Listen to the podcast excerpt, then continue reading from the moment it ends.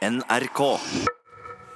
Klokken er blitt 8.15. Det er Nyhetsmorgen du lytter til. Og nå er Ugo Fermorello klar med Kulturnytt, og det er skjebnetime i Kristiansand. Det virker sånn når vi leser debatten som pågår i Kristiansand, hvor de i eh, en god godt stykke tid har diskutert hva den gamle siloen i havnen skal brukes til. Sørlandets kunstmuseum har planer om en kunstsilo som både skal være museum og huse samlingen til fondsforvalter Nicolai Tangen. Nå har en av motstanderne av kunstsiloprosjektet, Einar Øgrei Bransdal, selv eh, investor og næringslivsmann, lagt inn et bud på 50 millioner kroner for å kjøpe havnetomten med den eh, gamle siloen. Dette budet er da 35 millioner kroner høyere enn hva Sørlandets kunstmuseum ønsker å gi. Men Bransdal sier at dette er overhodet ikke noen form for stunt. Selvfølgelig kan det bli noe av. Havna må, etter hva jeg har forstått med de, alle de jeg prater om, selge til høystbydende. De kan ikke selge denne tomta for 15 millioner kroner til Sørlandets kunstmuseum uansett, hvis det, hvis det, kommer andre bud, etter hva jeg har forstått. Så de, må, de er opptatt av å tjene så mye penger som mulig. Og, så, Når de kan da selge denne tomta for en betydelig høyere pris, så vil det bli mer penger i kassa til havna, og mindre kostnader når havna skal bygges ut videre i framtiden. Og, da, og Det vil også komme hele byen til gode, for da blir det mindre penger som må tas inn i skatter for å dekke, for å dekke den nye havna. Agnes Moxnes, kulturkommentator i NRK. Hva dreier konflikten i Kristiansand seg om? Ja, det er altså sånn at eh, Nicolai eh, Tangen, britisk eh, bosatt kristiansander, fondsforvalter og kunstsamler, det ble kjent i 2015 at han ønsket å gi et sted mellom 1000 og 2000 kunstverk til hjembyen sin, Kristiansand. Og, og, og hvilke betingelser stiller han for denne gaven? Han, eh, flere betingelser, men en av betingelsene, betingelsene det er at eh, Kristiansand og Sørlandet kunstmuseum, som han ønsker å gi denne samlingen til, at det skal bygges opp en, et eget nytt kunstmuseum i en, kunst, eller en silo eh, som ligger nede ved havna i Kristiansand, og at den skal stå ferdig før bildene kan da overføres eh, og, og til, til Sørlandet og Kristiansand. Eh, selv kaller de dette den viktigste nordiske samlingen av modernistisk kunst fra 1930 til 1980. Eh, det er eh, opptil 2000 verk, ifølge Fedrelandsvennen. Planene om kunstsilo har kommet ganske langt. altså Dette er en gammel silo tegnet av den kjente arkitekten Arne Korsmo, delvis fredet. Hvor langt er planene kommet? Kan det stoppes? Ja, det er, det er, jo, som, som, du selv sa i begynnelsen, en skjebnetime rett og slett for disse ambisiøse planene akkurat nå. Eh, på tirsdag så skal fylkestinget samles og, og diskutere denne saken, om de skal bevilge eh, penger som eh, må til for å betale endringen av siloen. Eh, er, man regner med at det skal koste vel 500 millioner kroner. og det er da en blanding av kommunale, fylkeskommunale og statlige kroner. Og det er jo akkurat det som skal til for at eh, en debatt som dette her tar full fyr. Altså kunst, privat samler og offentlige penger. Kristiansand-ordfører Harald Furre sier til Fedrelandsvennen NRK har ikke lyktes med å få kontakt med ham, at han mener det er useriøst å tro at dette budet vi hørte om, altså eh, privatperson og hans selskap som vil kjøpe det for 50 millioner, 35 millioner mer enn eh, en kunststiloprosjektet vil by, at det, at det, er eh, useriøst å tro at det vil gå igjennom. Ser det ut til at disse planene kan bli torpedert? Er det, er det en realitet i, i, at det kan skje? Fordi det har, ifølge presentasjonen er det gått veldig langt. Ja, Det har jo vært en stor, var en stor arkitektkonkurranse som vi avgjorde i 2016. Det er brukt mye penger og lagt uh, virkelig ambisiøse planer for denne kunstsiloen. Men så har da uh, nettgründeren Uh, skal vi se, Einar Øgrei Bransdal. Uh, han har satt i gang en, ja, man skal si, en regelrett kampanje mot disse planene og denne, det han kaller sløsing av uh, offentlige og skattebetalernes midler. Og det er denne skal vi si, kampanjen som nå har nådd nye høyder, i og med at han nå legger inn et bud som, som går langt over det kommunen og Sørlandet kunstmuseum da skal betale for denne siloen. Og så er jo spørsmålet hvor seriøst er dette her? Eh, siloen er eh, fredet, mens da Øgrei Bransdal sier at han vil rive siloen. Så her er det kjempekonflikter på gang, men han har satt et tidsbegrensning til tirsdag, og det er jo nettopp den dagen fylkestinget skal bestemme seg for hva de skal gjøre. Takk, kulturkommentator Agnes Moxnes.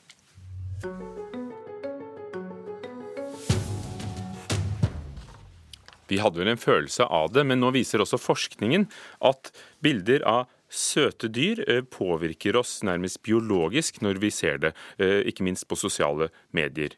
Og da har noen oppdaget at dette kan utnyttes kommersielt. bare ligger der. Bare. Altså, når man ser en sånn video, så blir man jo i godt humør. Jeg, blir, jeg klarer jo ikke å slutte å smile. Nei, jeg blir glad. Ja, jeg blir glad av å se på det. Spiser han en gulrot? Ja. Hvor mange videoer av søte dyr som finnes på internett, er det nok ingen som vet. Men blant de 576 000 timene med innhold som legges ut på YouTube hvert eneste døgn, så er en stor andel av dem akkurat det. Come on, Chewie! Come on, Chewie! Come on, Chewie!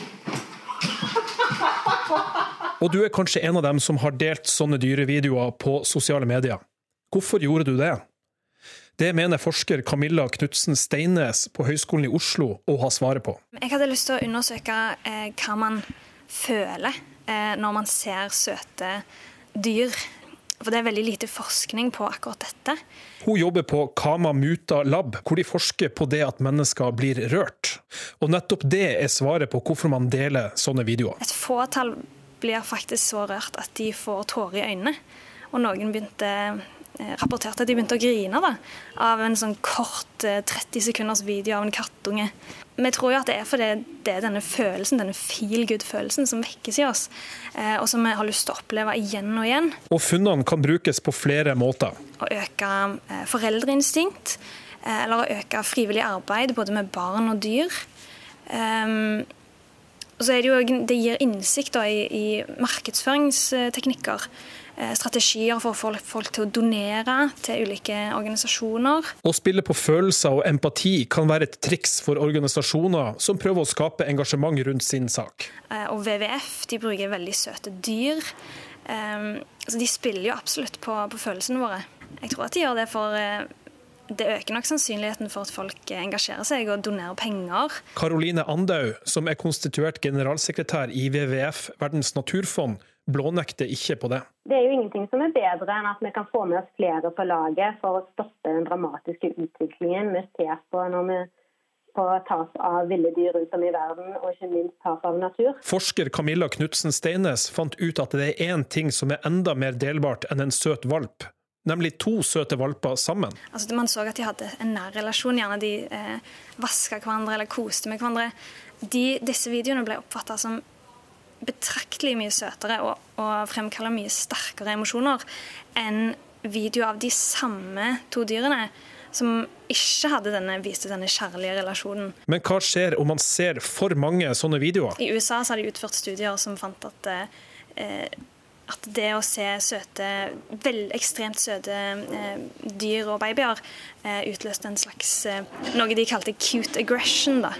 Eh, at man gjerne syns det, det, ble så overveldende sterk følelse at, uh, at man ble litt, uh, nesten litt aggressiv. Så man eh, pressa sånn bobleplast.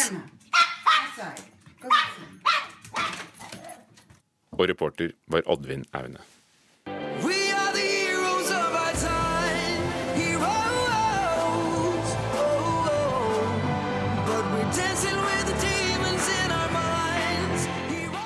Skarpe lyttere vil sikkert dra kjensel på svenske Mons Selmeløv, eh, vinner av Melodi Grand Prix for noen år siden, og programleder også nå i Storbritannia. Og der, kulturreporter Kaja Marie Andreassen, ble han rett og slett eh, ja, i stort ord, men han ble vel sensurert på en måte?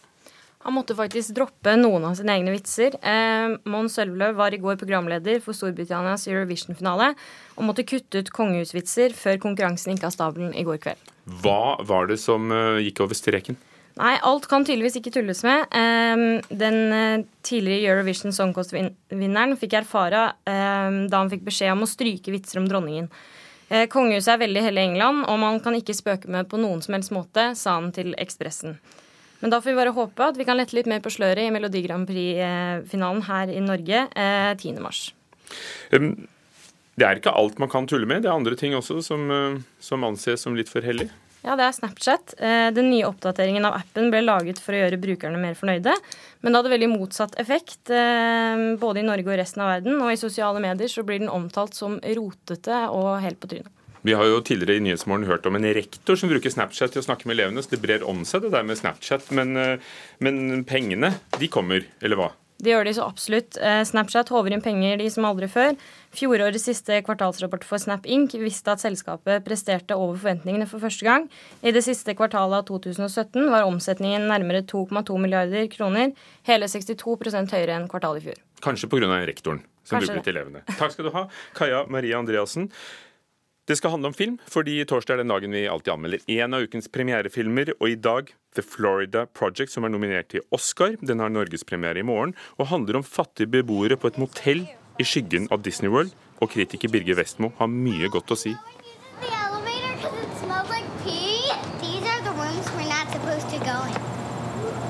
Let's go anyway. The Florida Project tramper selvsikkert i det kontrastrike grenselandet mellom barns fantasifulle leik og de voksnes brutale og ubarmhjertige virkelighet i det fattige USA. Regissør Sean Baker har laga en glimrende film med en egenarta miljøskildring og en utrolig observasjonsevne som heves av fabelaktige skuespillerprestasjoner, både fra de godt voksne og de helt små. The Florida Project anbefales varmt, ømt og tårevått. Okay, I warned you. One drip and you're out. Oh, come on! Out now. It's gonna melt outside. It's melting inside too. But Bobby. Out. Handlinga foregår på et billig motell i Orlando, Florida, bebodd av lite bemidla mennesker. Det er sommer, og seks år gamle Mooney, spilt av Brooklyn Prince, springer rundt komplekset med sine venner, mens hennes unge mor Hallie, spilt av Bria Vinight, sliter med å betale den ukentlige leia i tide. Motellmanageren Bobby, spilt av William Dafoe, forsøker å holde stedet i gang, til tross for stadige konflikter som må løses, og problemstillinger som må takles, noe både Mooney og Hallie stadig bidrar til i løpet av historiens gang. It's only second week of the summer and there's already been a dead fish in the pool. We were doing an experiment. We were trying to get it back alive. That wasn't my and, idea. And water balloons thrown at tourists. You can't fuck with tourists. They didn't tip us. Are you serious? Regissør Sean Baker har sjøl skrevet manuset sammen med Chris Burgock, og det oppsiktsvekkende er at de egentlig ikke forteller en handling med et spesielt plott. Filmen er bygga på observasjoner av figurene, og man får inntrykk av at mye er skapt gjennom vellykka improvisasjon. Den studerer dem i deres daglige situasjoner, alt fra små utflukter til nærområder og dialog ved kjøkkenbord til leik på forbudt grunn. Filmen skildrer òg det tydelige skillet mellom barnas hverdag og den depressive voksenverdenen, befolka av fattigdommens produkter. Gjennom det her skapes det gradvis en større forståelse for deres situasjon, samtidig som det knyttes stadig sterkere emosjonelle bånd til publikum. Oh my God, this is unacceptable. I failed as a mother, Moni. You've disgraced me. Yeah, Mom, you're disgraced. The Florida Project skildrer effektivt og virkningsfullt en flik av det amerikanske samfunnets skyggesida, slik flere andre filmer har gjort de siste årene. Regissør Sean Baker har skapt en fantastisk film med en helt særegen atmosfære, bevegende skuespillerprestasjoner og en avslutning som er like nydelig og håpefull som den er sørgelig og hjerteskjærende. Thank you very much. You're not welcome. En klar anbefaling fra Birger Vestmo, The Florida Project. Og Går du inn på nrk.no film, så vil du se at denne filmen har fått terningkast seks. Og så kan vi lese om alle ukens premierefilmer, bl.a. hva våre kritikere synes om en finsk klassiker som er blitt filmatisert. 'Ukjent soldat', som um, fikk 200 000 besøkende bare første helgen i Finland.